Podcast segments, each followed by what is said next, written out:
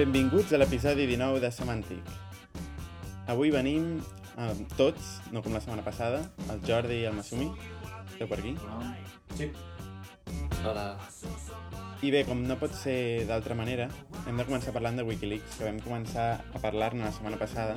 De fet, ens vam fer una mica un lío amb què havia passat amb els servidors, si havia sortit a Amazon o havia entrat a Amazon. bueno, ara està clar que Amazon els va fer fora i, i bueno, que ara estan funcionant amb mirrors, amb molts voluntaris que utilitzen eh, el sistema de mirroring que han creat, que de fet l'únic que cal per fer de mirror és, és ficar, omplir un formulari, donar-los un accés d'usuari, un FTP o, o un shell, i, i res, i llavors donar-los accés i ells mateixos fan la còpia de tota la informació de Wikileaks i passa a ser un mirror registrat des de la seva pàgina. Llavors a partir d'aquí van fent rotació de, dels mirrors per cada domini que tenen europeu o, o dominis locals. O sigui que si algú es vol oferir voluntari, simplement ha de fer això. Val a dir que hi ha gent que ha tingut problemes de moment, ja, que els han fet fora dels servidors o coses així. I, bueno, l'estat actual de Sanch, m'assumi que, que, quin és ara mateix? Sí. Bueno, fa, fa un, ja deu fer una setmana o un parell de setmanes que el van detenir allà al Regne Unit i va estar tot aquest, tot aquest temps a una presó on no li permetien eh, accedir a un ordinador al principi. Al final ja em sembla que li van permetre, però sense connexió a internet, perquè es veu que allà a la presó s'avorria i està escrivint tot el que li passa pel cap. I aquesta, aquesta setmana, em sembla que ahir o abans d'ahir, doncs bé, ja hi va haver...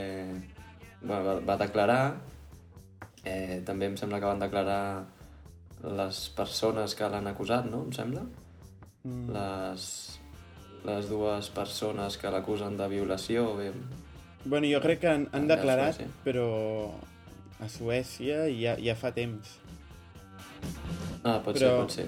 Bueno, Realment, en cas, bueno, sí. sí. No, que el, el, el jutge de, de, del Regne Unit no ha considerat que sigui una cosa com per mantenir-lo retingut. Suècia demana la seva extradició, però ara està... Bueno, la situació actual és que està en llibertat, eh, sota fiança, em sembla, i Bé, més que llibertat, ell ho diu com un arrest domiciliari. Sí, perquè no, eh, no pot utilitzar... Que encara no pot utilitzar mitjans... bueno, està permanentment vigilat, eh, amb, bueno, seguit, i les seves connexions a internet estan vigilades, i coses que no... Exacte. Realment, ell a Londres no, I... no, el, podien, no el podien detenir, perquè, i en, en cap país d'Europa, teòricament, perquè hi ha, hi ha una llei que és que no pots extradir una persona si no hi ha una acusació ferma amb proves que l'acusin. I en aquest cas hi han unes al·legacions que no són públiques, per començar, això ja no es podria extradir només per això, però és que a sobre no hi ha proves, no hi ha cap mena de prova. I tot el cas aquest és una mica, bueno, una mica com confús, no?, per dir com a mínim, perquè... Sí, sí, sí no. Eh, passa, és com un, com un episodi del cor de la ciutat. Sí, sí, ha, ha sortit I... a The Guardian, un diari anglès, ha sortit tota l'explicació de tots els fets eh, que han anat passant, de la noia que li va dir que es posés el preservatiu, però ell no volia, llavors van pujar-la amb violència, i ell que no sé què. però fins a uns extrems. I, i la segona noia... És que ja tenen... La segona noia que, que l'acusa de que va començar-li a fer l'amor quan estava dormida, però que després no es va negar. Això... I que no sé, però això... Si volen fer una pel·lícula sobre aquest home, em sembla els guionistes hauran de fer poca cosa, perquè han explicat tota la història aquest ja. Sí. És molt curiós. Però és que no puc entendre Però... com se'l pot acusar amb una persona i, i, i, bueno, i ficar en perill tota la seva organització per aquesta parida enorme. I, i, i, bueno, i confinar una persona 10 dies per això, no sé, em sembla molt, molt greu. Jo he sentit, jo he sentit que fins i tot, és, ja és paranoia màxima, que les noies aquestes que l'acusen podrien ser agents eh, de la CIA infiltrats que els han fet simular una violació per tal de tenir una excusa per poder engarjolar l'assanys. Però bé, això ja és paranoia total. Eh? Bé, el que he sentit és que sí que hi ha hagut, pot haver hagut pressió d'organismes o la CIA o alguna per aprofitar aquest tema, però jo no crec que aquestes siguin espies de la CIA perquè serien molt inútils, eh? Realment ho han fet increïblement malament. A més que, que després del que passés això, les dues estaven la mar de bé amb, amb Assange i fins i tot li van organitzar una festa Sí, de despedida i... Això és el més curiós. Sí, o sigui que... No s'aguanta per Es enlloc. nota que hi ha una reflexió posterior, freda, dir, anem a aprofitar això, sí. anem a anar contra aquest home. Sí, sí. Però bueno, ja veurem com acaba el tema. El tio diu que no, de moment no vol anar a Suècia perquè vaig sentir també una entrevista a la BBC que l'entrevistaven i que, que ell, i, li, i li deien per què si estàs tan segur que no tens cap mena de culpabilitat per què no vas a Suècia i tal i, i diu que, bueno, com que de moment tot el que s'ha fet s'ha s'ha estat fora de la llei vull dir, sense cap mena d'acusació l'han retingut, li estan fent tot això ell no té cap garantia que vagi allà i, li, i apliquin realment la llei, per tant, com que no té cap mena de seguretat que es faci justícia real fins que no s'aclareixi tot això, ell no es mourà. Sí, és prudent. Sí. Però bé, l'interessant de tot aquest tema, des del punt de vista informàtic, és el, bueno, tota la guerra que s'ha organitzat en el, en, el món, Ciberguerra. en el món web, no? El món de les webs de, dels bancs, que per cert molts bancs han, han denegat el, els serveis a Wikileaks i a Assange, entre ells, bueno, el Visa Europa, eh, PayPal, un banc suís, Swiss Bank, que per cert, on tenen tots els dictadors del món tenen les seves grans fortunes, Assange ara li han dit que no pot ser perquè està fent coses conflictives èticament. I el Bank of America, Bank of America, que em, puntualment, just quan van dir, va dir que tenia documents que implicaven a un banc americà i que publicaria el gener del 2011, puntualment, al cap de poc temps, el van, li van tancar també tots els comptes i van impedir totes les transaccions bancàries. Quina casualitat, no? Sí, molt, molt casualitat, molta casualitat. De fet, hi ha un, hi ha un tuit de Wikileaks que diu el teu negoci fa negocis amb el Banc d'Amèrica uh, la nostra recomanació és que els teus diners els posis en un altre lloc més segur. De fet, tu vas fer retuit, no?, sobre això. Sí, sí, vaig, vaig retuitejar, em sembla que va ser ahir, perquè va semblar molt graciós. Eh, Era com, és com una mica perillós també el que estan dient, perquè tot, si tothom comença a treure diners d'allà, veiem què passa. Sí, sí, exacte. No, però l'interessant és tota aquesta guerra de- d'atacs cibernètics que s'han fet entre organitzacions, associacions d'usuari, bueno, que... Molts que... d'ells liderats per 4chan. O molts, Pay- exacte. de Molts, PayPal? molts des de 4chan. I, i, i Sí. que, bueno, han organitzat tots atacs de DOS i que després s'han organitzat contra ells, també, contra organitzacions aquestes, també les han patat mitjançant, mitjançant DDoS. Però el tema és com funciona, podríem parlar una mica de com funciona aquest tipus d'atacs de denegació de servei, no? que molta gent hi participa, molta, molta gent de les quals no sap què està fent exactament, simplement es baixa un programa i dona les, el, el seu, seu ordinador i el seu punt d'accés a la disposició de- d'altra gent o altres programes, eh, entre els quals hi han hagut molts casos d'arrests, fins i tot de, de, de teenagers, adolescents de- d'Holanda. Hi ha hagut dos, dos setzenyeros holandesos detinguts per aquest tema i, bueno, hi ha bastanta gent que l'estan perseguint per això, per haver participat en aquests atacs, no?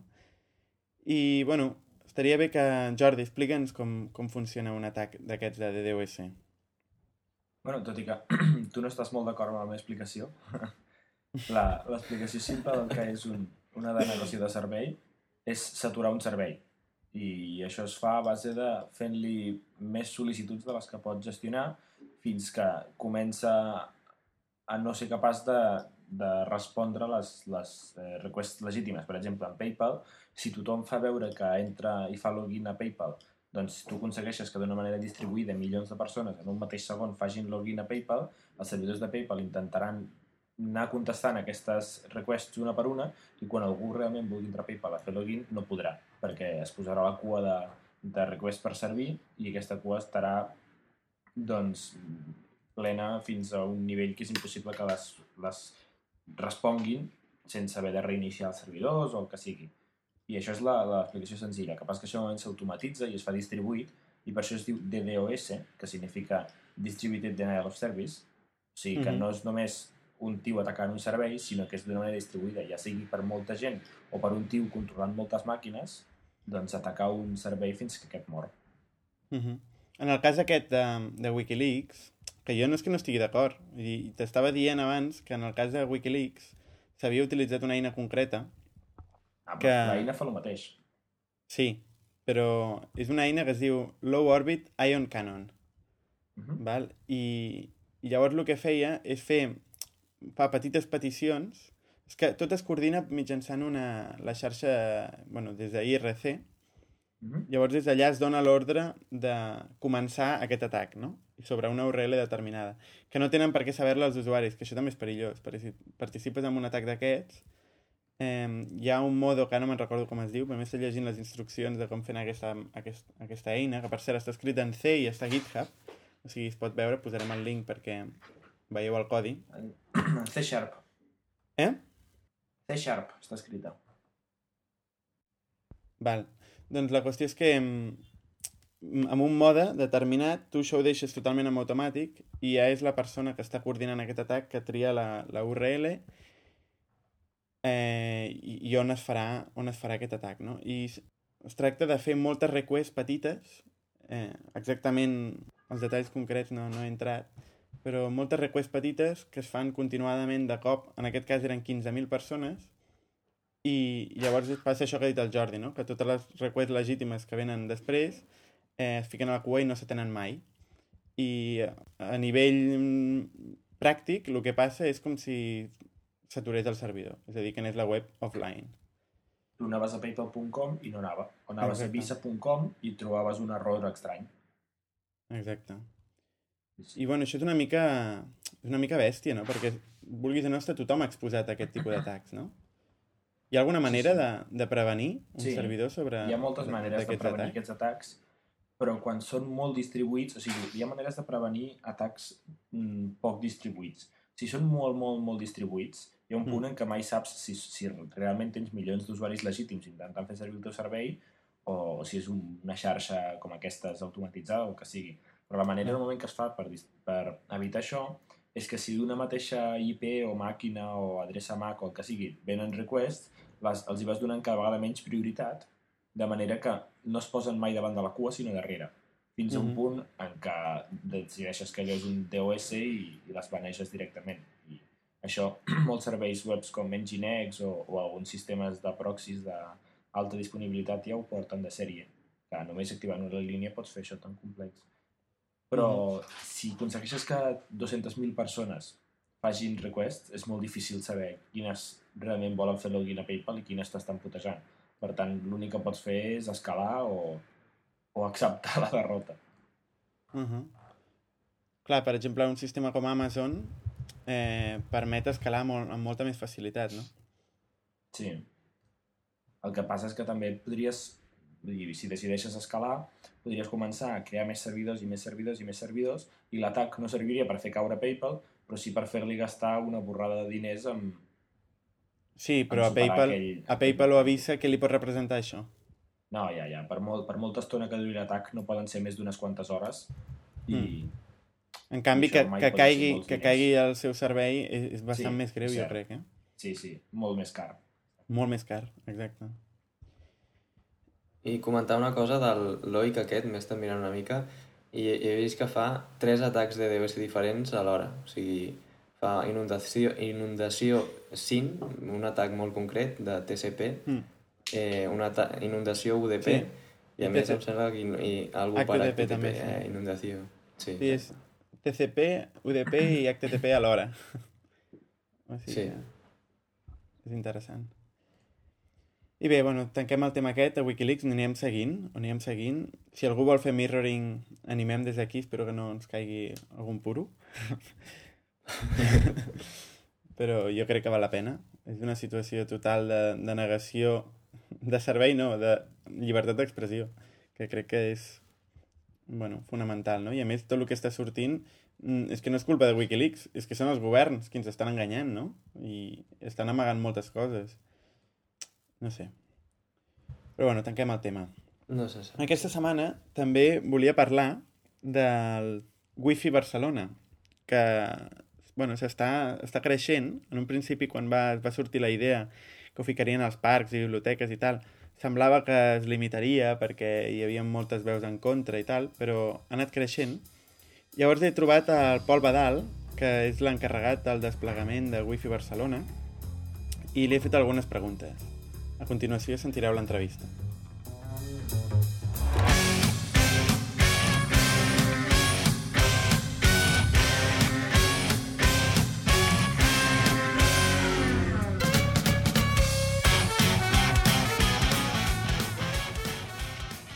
Bueno, estem aquí amb el Pol Badal, que és el consultor de telecomunicacions i a més és l'encarregat del desplegament de, del servei de Barcelona Wi-Fi, oi? I explica'ns, que, tu què fas a, allà, vull dir, a Barcelona Wi-Fi? Bueno, gràcies en primer lloc, Bernat, per fer aquesta entrevista. Bé, doncs jo, com, com deia el Bernat, estic treballant en aquests moments col·laborant amb l'Ajuntament de Barcelona eh, en, en el servei del Barcelona Wi-Fi, que és un, un servei públic que s'ofereix als ciutadans de Barcelona i és simplement un, una xarxa de punts d'accés a internet. Val? Eh, què m'havies I- preguntat? Sí, que, que, què fas tu? Tu allà, què, què fas Bueno, exactament? jo, jo sóc l'encarregat de, del desplegament de, del servei. Ara mateix portem desplegats 300, quasi 320 punts i jo el que porto doncs, és el, anar desplegant en cada punt doncs, doncs el servei. Uh -huh. I, I és una xarxa que es fa en parcs, no? Vull dir, en, en llocs públics de quin tipus? Sí, mira, hi han quasi bé set tipologies de d'equipaments on, on ens deixen desplegar aquest servei. Tenim a, a parcs i jardins de Barcelona, a biblioteques, a centres cívics, a centres de cultura, a, a sales d'estudi nocturnes també, perquè els, els estudiants puguin, puguin anar a connectar-se a, a internet, i a museus també, a mercats, bé, a tots els equipaments municipals de, de Barcelona. Uh -huh. I mm, jo, clar, jo em pregunto, quan vaig veure que s'estava ficant això a Barcelona Wi-Fi, vaig preguntar-me, les operadores que tenen tants problemes amb temes de neutralitat a la xarxa, vull dir, sempre que se'ls toca una mica la seva parcel·leta fiquen tants problemes, el fet de crear una xarxa de, difusió pública tan massiva com, com és en aquest cas, no, no, no s'han no plantat contra això? Sí, sí, en un principi es van... Bueno, sempre s'han oposat. De fet, a l'Ajuntament de Màlaga, eh, fa, fa uns anys, el 2009, va, va tirar pel seu compte sense, sense consultar-ho ningú, va implantar una xarxa com la que hi ha aquí a Barcelona, Wi-Fi, i, i de fet els hi va caure una multa molt, molt grossa per, per no consultar-ho amb, amb l'òrgan que regula el mercat de les telecomunicacions, que és la, la CMT. Uh -huh.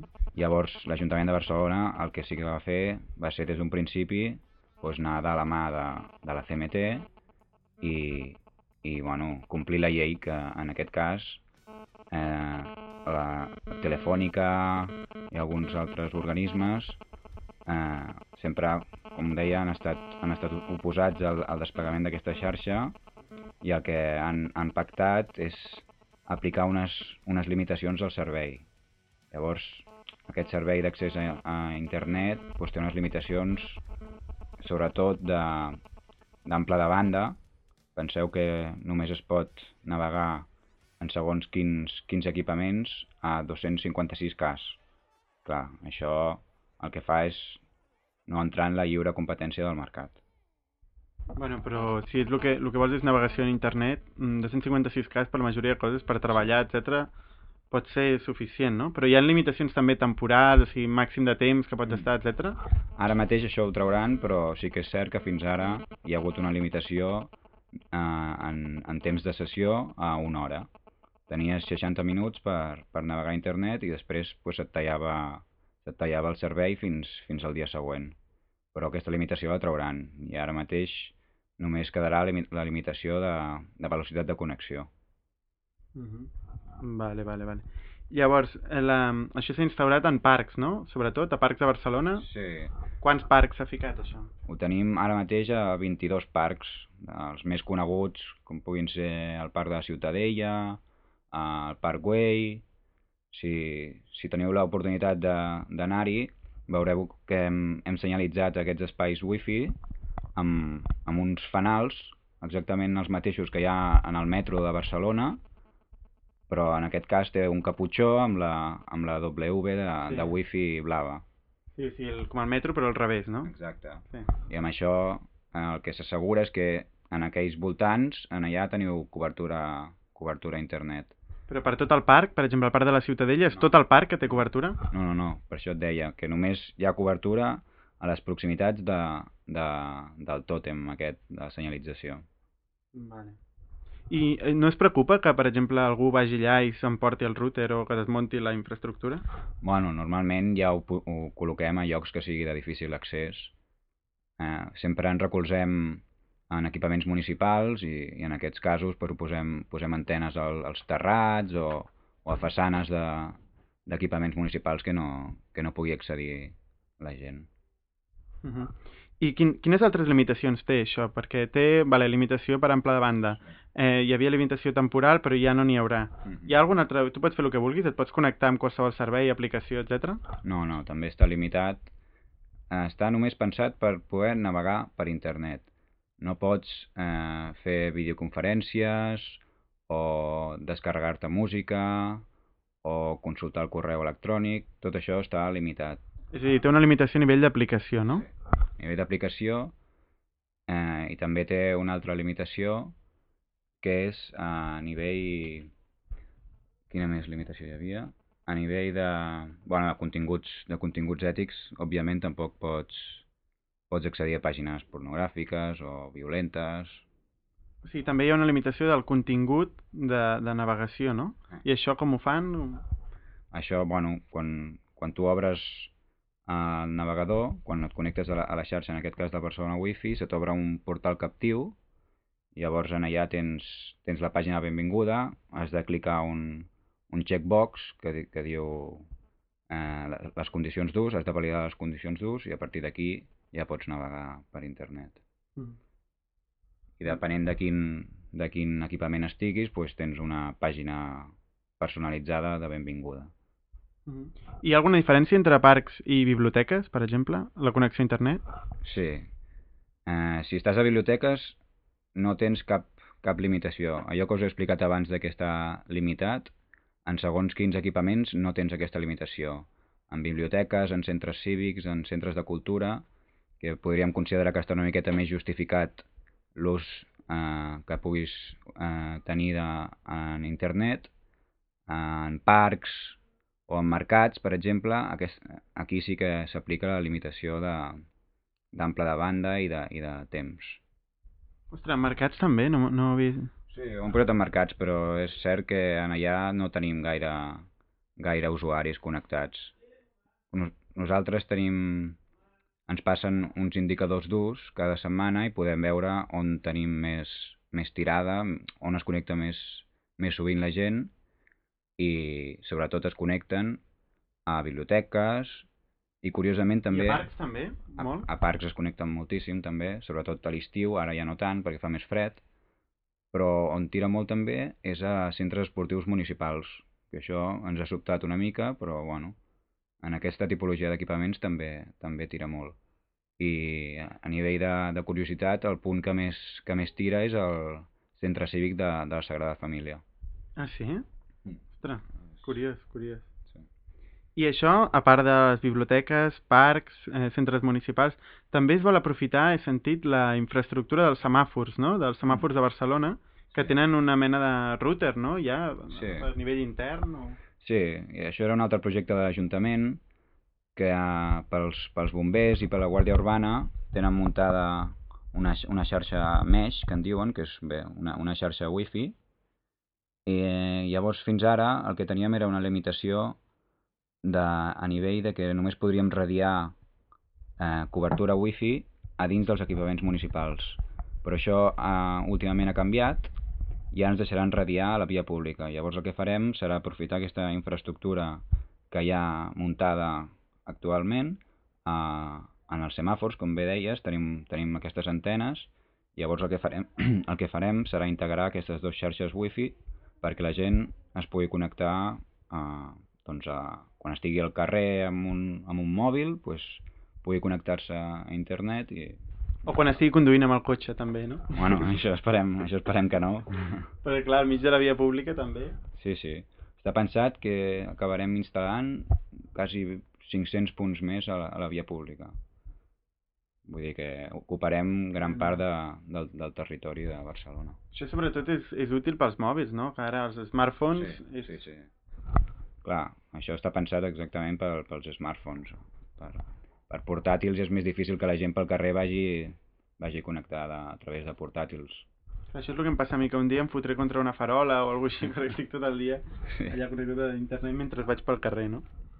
I, bueno, una última pregunta que et vull fer, et vull entretindre més, però uh, efectes perniciosos de, del tema d'aquesta radiació massiva de Barcelona, que ja estem totalment irradiats, perquè a qualsevol punt de Barcelona hi ha moltes xarxes, si mirem en qualsevol punt tenim com 7 o 8 xarxes wifi sumades a les xarxes de telecomunicacions, de mòbils, etc.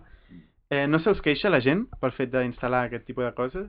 Home, sí que hem tingut algunes queixes de gent que és més, doncs, més reticent a, a que instal·lin més antenes, però bé, el que diem sempre és que nosaltres complim la normativa, en aquest cas europea, de radiació electromagnètica. No els hi podem dir cap altra cosa que, que aquesta. Però sí que és cert que cada vegada estem...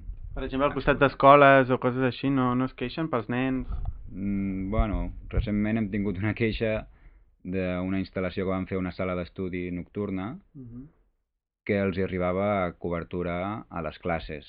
Llavors el director ens va demanar doncs, que aviam si podíem, si podíem moure l'antena una miqueta perquè no els, hi, no els hi arribés la cobertura a les classes, ja que si no els, els nois pues, estaven distrets i en més d'atendre a Ah, classe val.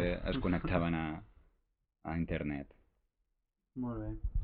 Bueno, doncs, moltes gràcies, Pol, per explicar-nos això de Barcelona Wi-Fi, que ho estem veient per tot arreu, però tampoc tenim molta informació, no? No, no, a, a principis d'aquest any vinent, com es farà, es farà públic el tema aquest de, de la xarxa de la via pública i suposo que ens sentireu a parlar, ens sentireu a parlar més. Uh -huh. Vale, doncs t'agraïm moltíssim la teva participació i, bueno, en, anirem seguint eh, el que vas fent. Moltes gràcies a vosaltres per fer-me aquesta entrevista. Vale, reveure. Adéu.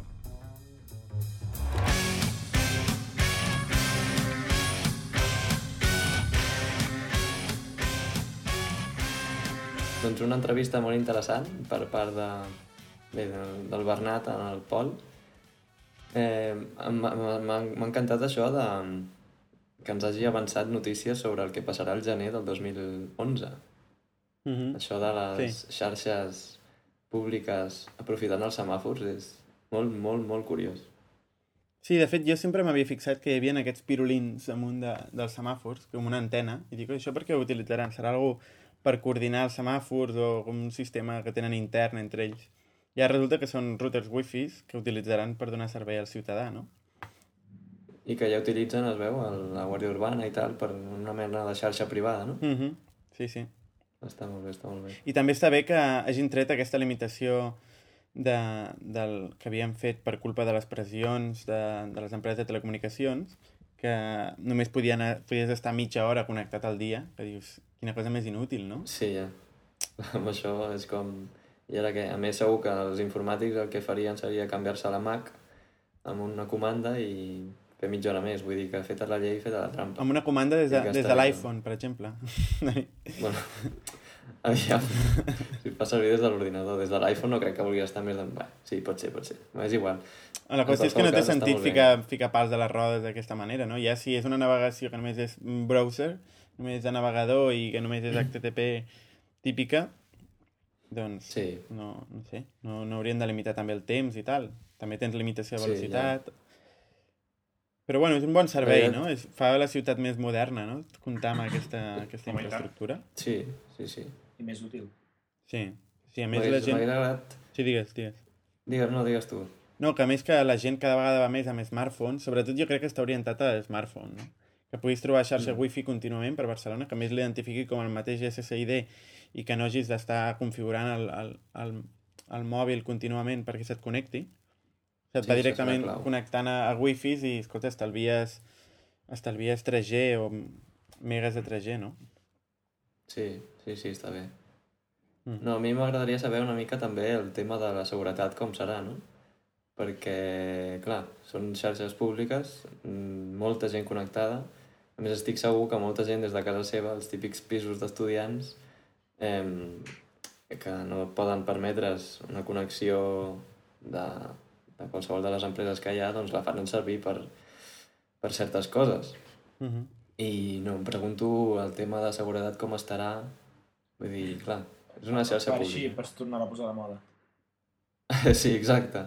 No, això és el que vull dir, no? Que, que clar, vull dir, tanta gent connectada, la probabilitat que algú amb males intencions doncs, comenci a fer coses és, és molt alta. O sigui, s'haurà d'anar en compte a l'hora de fer-la servir.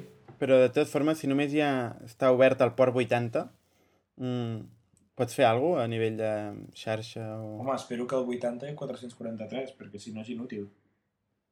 Sí, sí, amb Bueno, el ja. Fireship, eh, amb aquests dos ports, vull dir, en té més que suficient per robar comptes de Hotmail, Facebook. De moment, Hotmail, Facebook encara no estan solventats, Gmail ja no, eh, Twitter també està solventat, Uh -huh. però sembla que, no, que Facebook no reacciona, o sigui que s'ha d'anar en compte. Ja.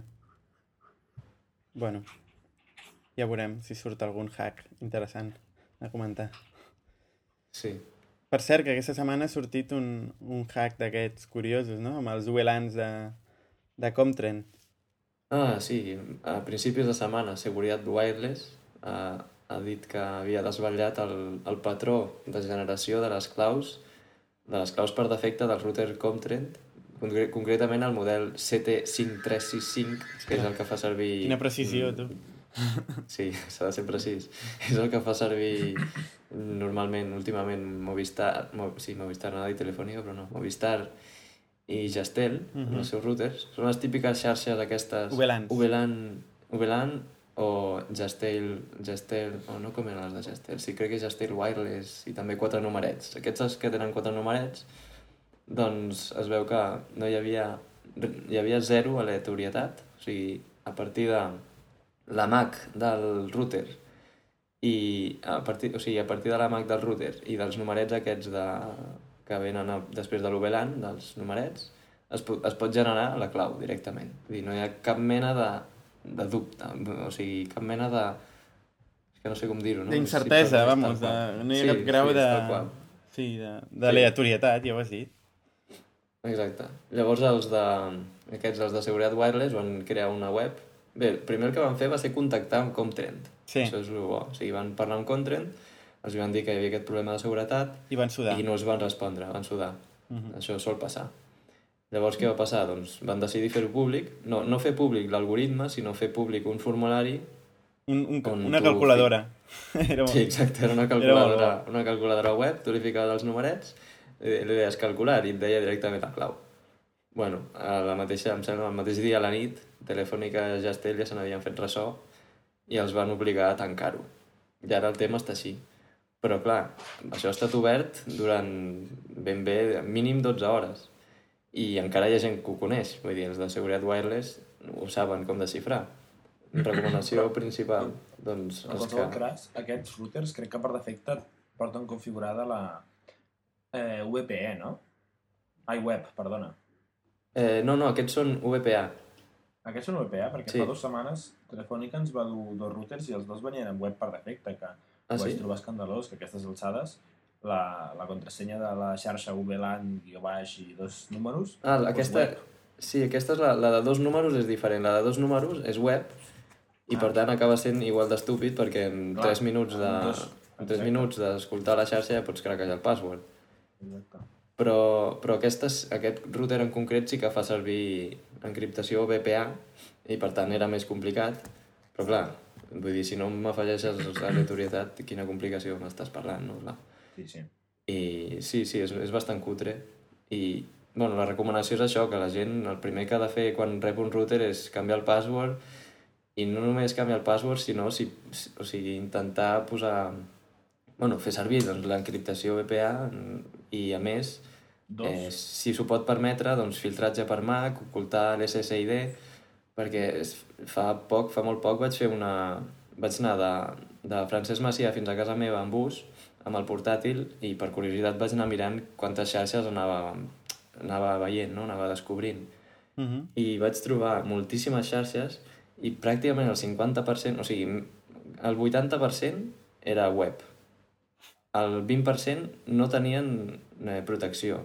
Dins dels que eren web, la gran, gran, gran majoria eren de Telefònica. Això, bueno, el que vol dir és que doncs, la gent ha d'anar en compte perquè segurament tots els que feien servir Uberans aquests no s'han canviat mai el password i per tant és com si no tinguessin protecció pràcticament. Sí, sí. Vull dir que Com l'Assange. això, com, com, que es canviïn el password, bàsicament.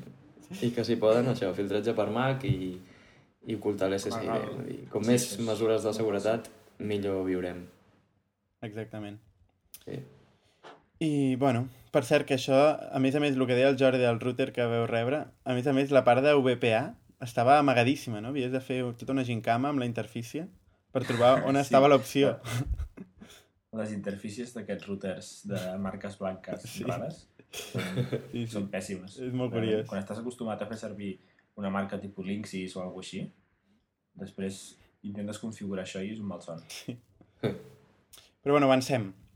Abans hem parlat d'Amazon, no? que és on estava, on, on estava prèviament allotjat Wikileaks, però és interessant Amazon perquè com a servei als desenvolupadors és bastant únic i és interessant conèixer amb més profunditat, no? Potser n'hem parlat alguna vegada, però Jordi, explica'ns perquè aquesta setmana crec que hi ha hagut novetats eh, amb, amb el servei d'Amazon, no?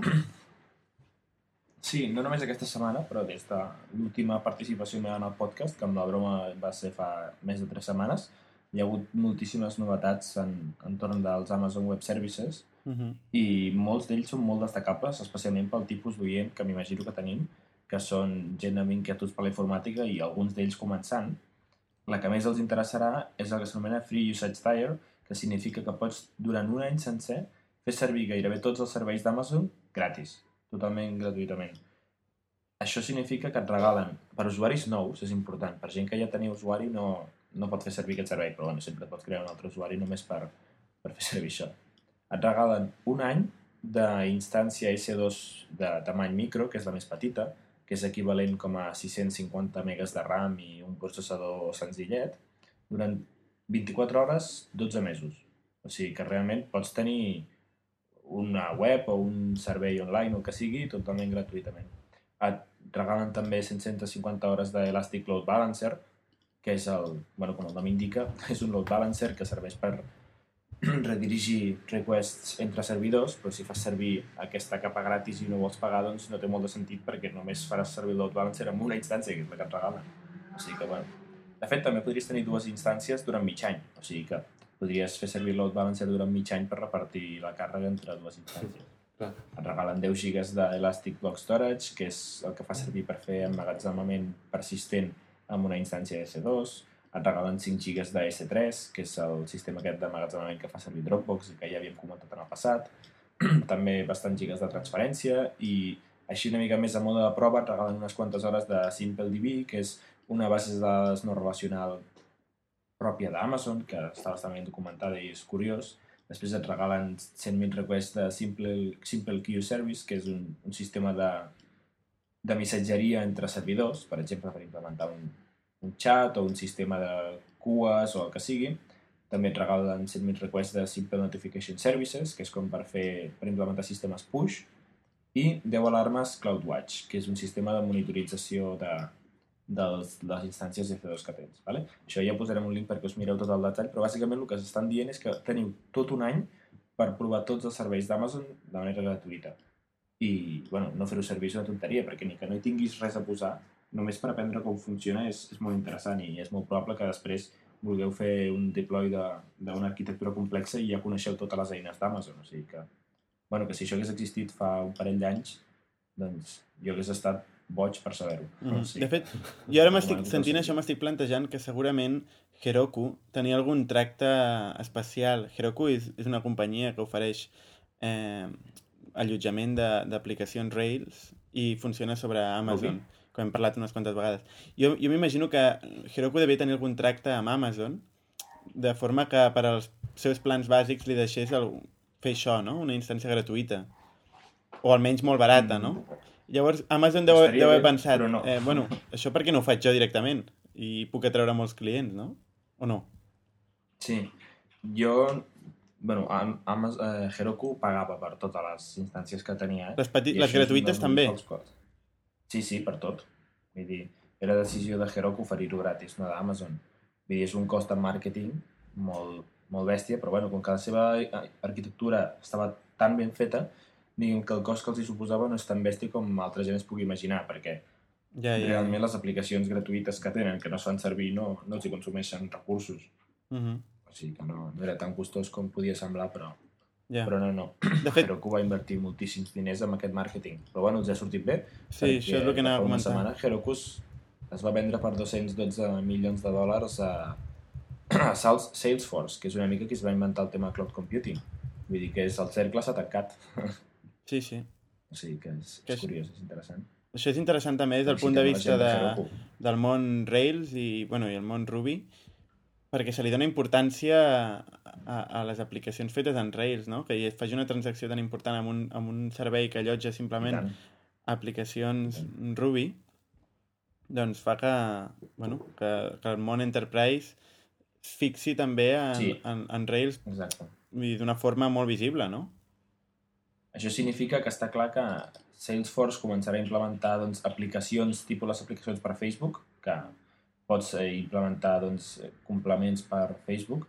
Salesforce farà el mateix amb Rails o amb, amb Ruby en general, perquè per això ha comprat aquesta infraestructura, no? per, per fer-la servir per escalar serveis així secundaris.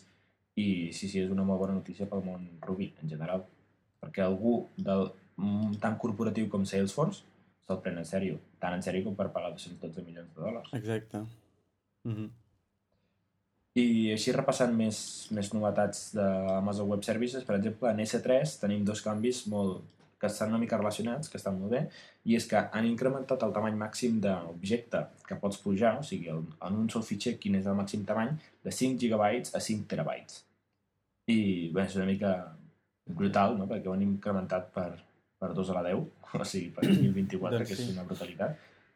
I la gràcia és que això per si sol no tenia molt de sentit, perquè fer una transferència de 5 terabytes d'una sola tacada és bastant difícil perquè les probabilitats de que la xarxa se a la merda són molt altes, és que també han incorporat els uploads multipart, que significa que tu pots mm, repartir un, una sola pujada en diferents parts, com el nom indica, i per tant no t'has d'encarregar tu d'agafar un fitxer gran i dividir-lo en fitxers petits, pujar-los a S3 i després quan els baixis tornar-los a juntar, etc sinó que pots pujar un sol fitxer però amb diferents transaccions.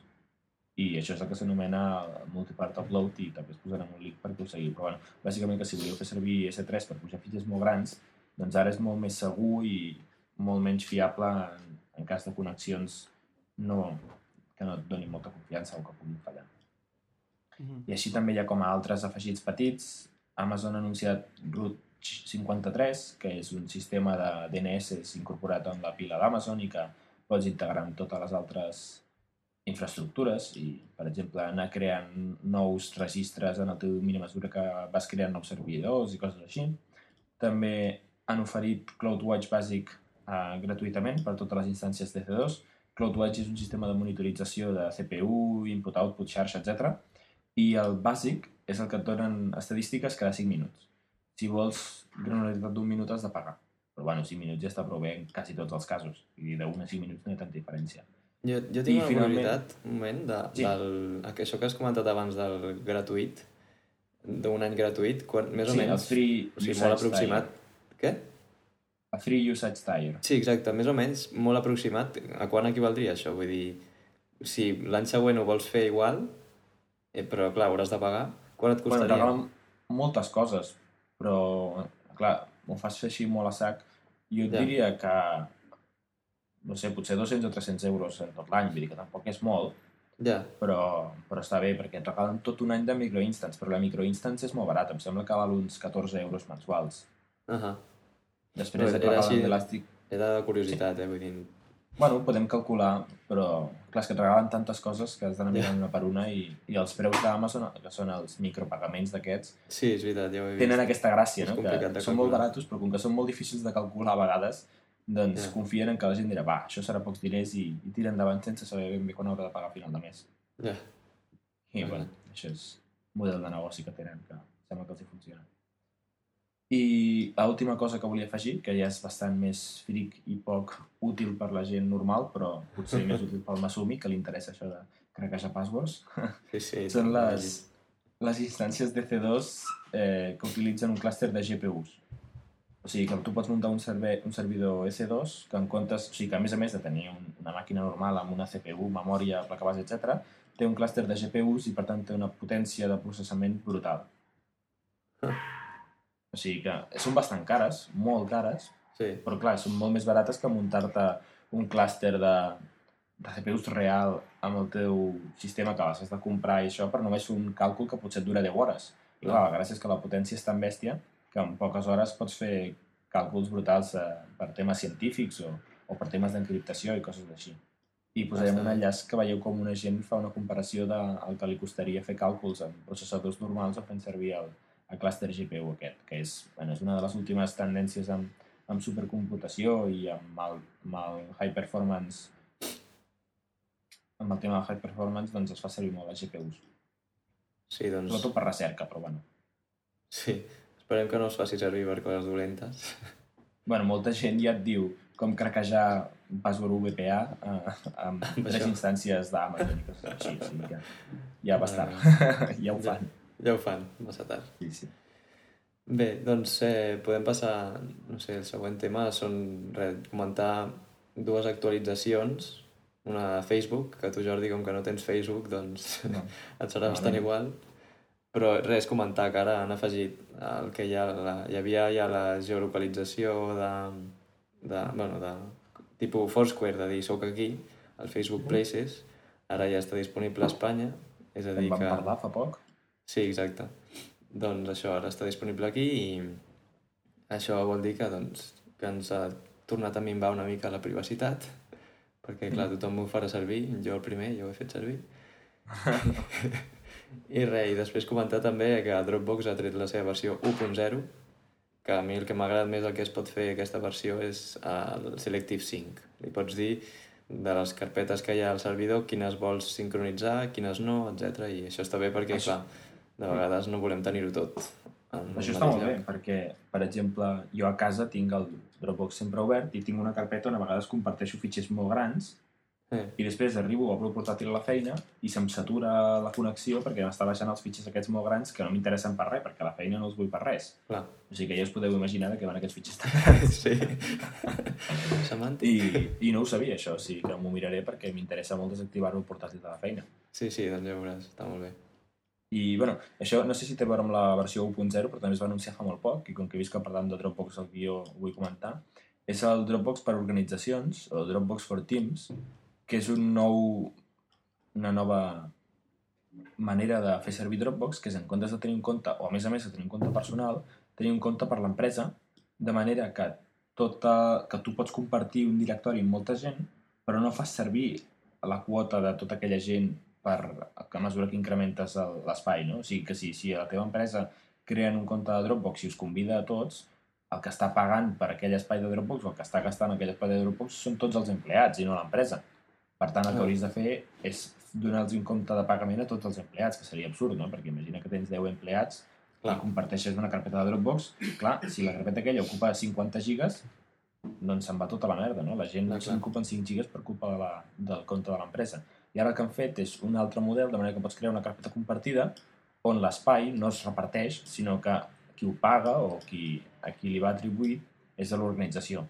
El tema és que el preu és... Bueno, a mi em va sorprendre del igual que era.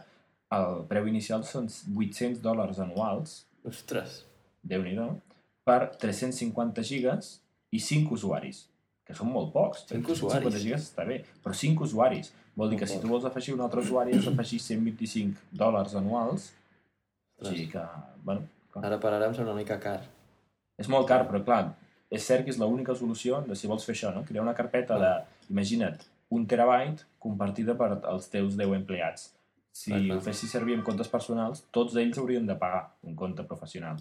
Sí, I no, no és massa correcte, però bé, és, Ah, és interessant per si algú vol fer servir sí. Dropbox per l'empresa així repartint amb els usuaris, però bueno, jo crec que Ah. és molt car per ara. No sé si Sí. sortiran els números. I, bueno, jo tinc un tip and trick per aquest episodi. Eh, es diu Tinnai, no sé com es deu pronunciar, T-I-N-E-Y-E, que m'ha servit molt per un treball que estava fent i el que fa és... Bueno, tu tens una imatge que t'has baixat d'internet i dius, ostres, no sé d'on l'he tret, necessito la font per posar la bibli- bibliografia o el que sigui. Hòstia, I, jo també ho vaig que- necessitar. sí, no? I El el que fa... treball. Sí, és que és el mateix treball, eh, segurament Sí, sí, sí. parlem d'HDC, no? Sí, sí. I el que fa aquesta aplicació web, doncs tu bueno, eh, o li passes el link de la imatge, que bueno, això no és tan útil, o la puges, hi ha un, això, un per, per, per pujar la imatge, i fa una cerca inversa a partir de la imatge, pàgines webs on surti aquesta imatge. Llavors pots recuperar el lloc on l'has trobat, o si no, citar-la des del lloc font, perquè a vegades hi ha imatges que les trobes a internet sense cap mena d'informació de d'on ha sortit, i Sí. clar, en el teu treball no pots posar l'he tret d'aquesta web que aquest tio l'ha robat de no sé on. De Google Images, no? Com diu tothom. Exacte. Llavors agafes la imatge aquesta i et diu, uh, bueno, diversos llocs d'on surt i el match més exacte, o sigui, uh, te'ls ordena per quina és la que s'assembla més. I m'ha estat molt útil això per trobar fonts originals, més informació sobre les imatges, vull dir que està molt bé i el recomano i ho posarem a les notes de l'episodi. Si ho hagués sabut jo fa una setmana, ho haguessis fet servir, no? vaig haver de començar a buscar a Google Imatges paraules clau que jo creia que l'altra gent havia fet servir Ostres, fins trobar. I les vaig trobar totes, eh?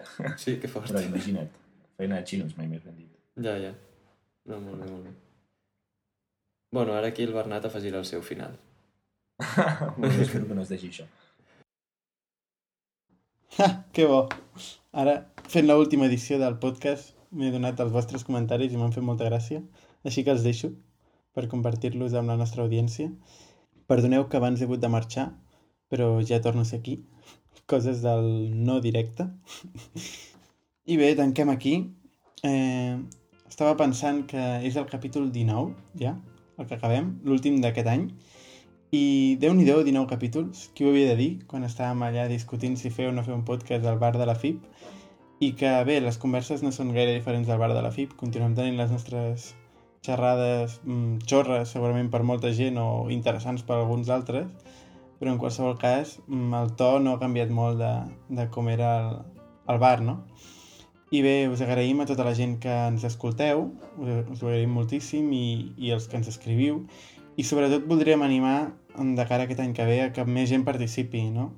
Perquè, bueno, hem tingut pues, el, el Pere Joan, hem tingut el, el Pol aquesta setmana, el Pablo Villalba amb la seva experiència molt interessant i l'any que ve volem tenir encara més gent i portar pues, molts testimonis i, i si algú ens vol vull dir, vol participar a la tertúlia habitual, pues, endavant, nosaltres n'estaríem encantats.